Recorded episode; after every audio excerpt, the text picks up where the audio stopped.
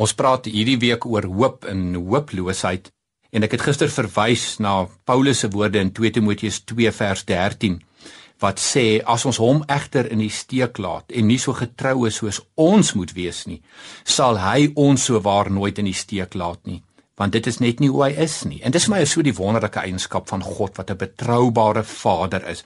Dit is net nie hoe hy is nie. Hy kan doodgewoon ons net nie teleurstel of in die steek laat nie. Maar weet jy wat wel kan gebeur? Mense se afbreekende kommentaar en mense se gereelde pessimisme. Dis een van die goed wat ek noem 'n dief van hoop is in vandag se tyd. Weet jy om na mense te luister wat die heeltyd pessimisties is?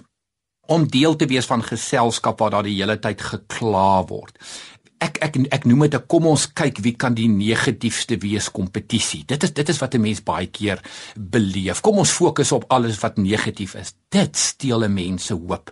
So jy moet jou geselskap reg kies, jy moet jou vriende reg kies, anders gaan hoop by jou gesteel word.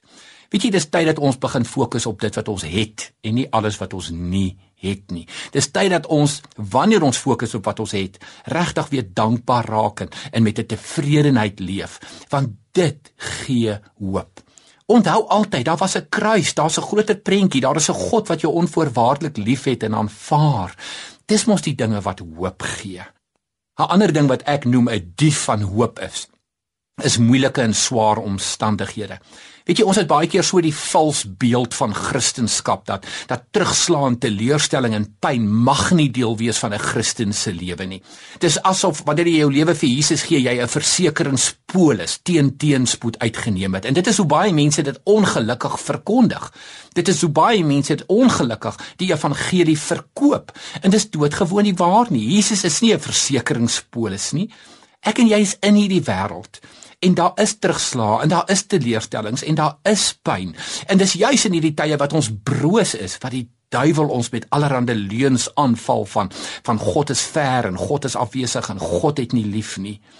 Weet jy daar kom tye van nie verstaan en dalk beleef jy dit op die oomblik in jou lewe, tye wat jy hoekoms vra tye wat jy waaroms vra, tye wat jou moedeloos maak en, en wat jy kry nie die antwoorde nie en tye wat jy hooploos voel. Ek wil jou terugvat na hierdie skrifgedeelte in 2 Timoteus 2 vers 13. Dit is net nie hoe God is nie. Hy's altyd naby.